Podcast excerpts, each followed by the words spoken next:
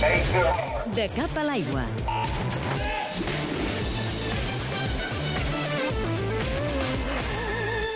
Després de créixer amb la natació sincronitzada a la sang i de triomfar en aquest esport, la Gemma Mangual és ara a l'altra banda de l'escenari.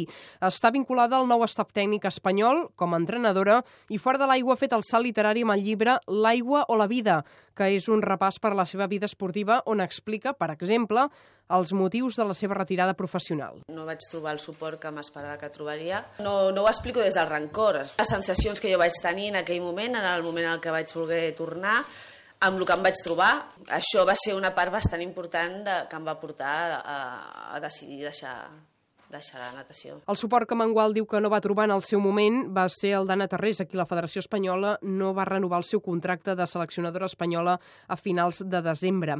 La Gemma reconeix que sense Terrés no s'entendria la síncro en aquest país, però també apunta que la nova etapa que ara lidera Esther Jaumà també donarà els seus fruits tots els, els èxits de la natació sincronitzada han sigut gràcies a, a, a la Terrés i que, i que ella ha sigut eh, una lluitadora des del principi i, i que hem arribat on hem arribat gràcies a ella.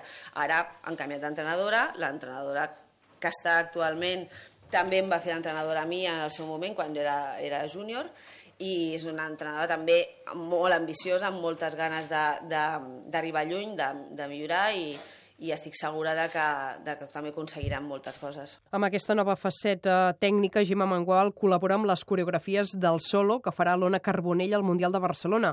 Ara l'Ona és la líder de l'equip espanyol després de la retirada d'Andrea Fuentes. Aquest Mundial a la ciutat comtal es farà del 19 de juliol al 4 d'agost.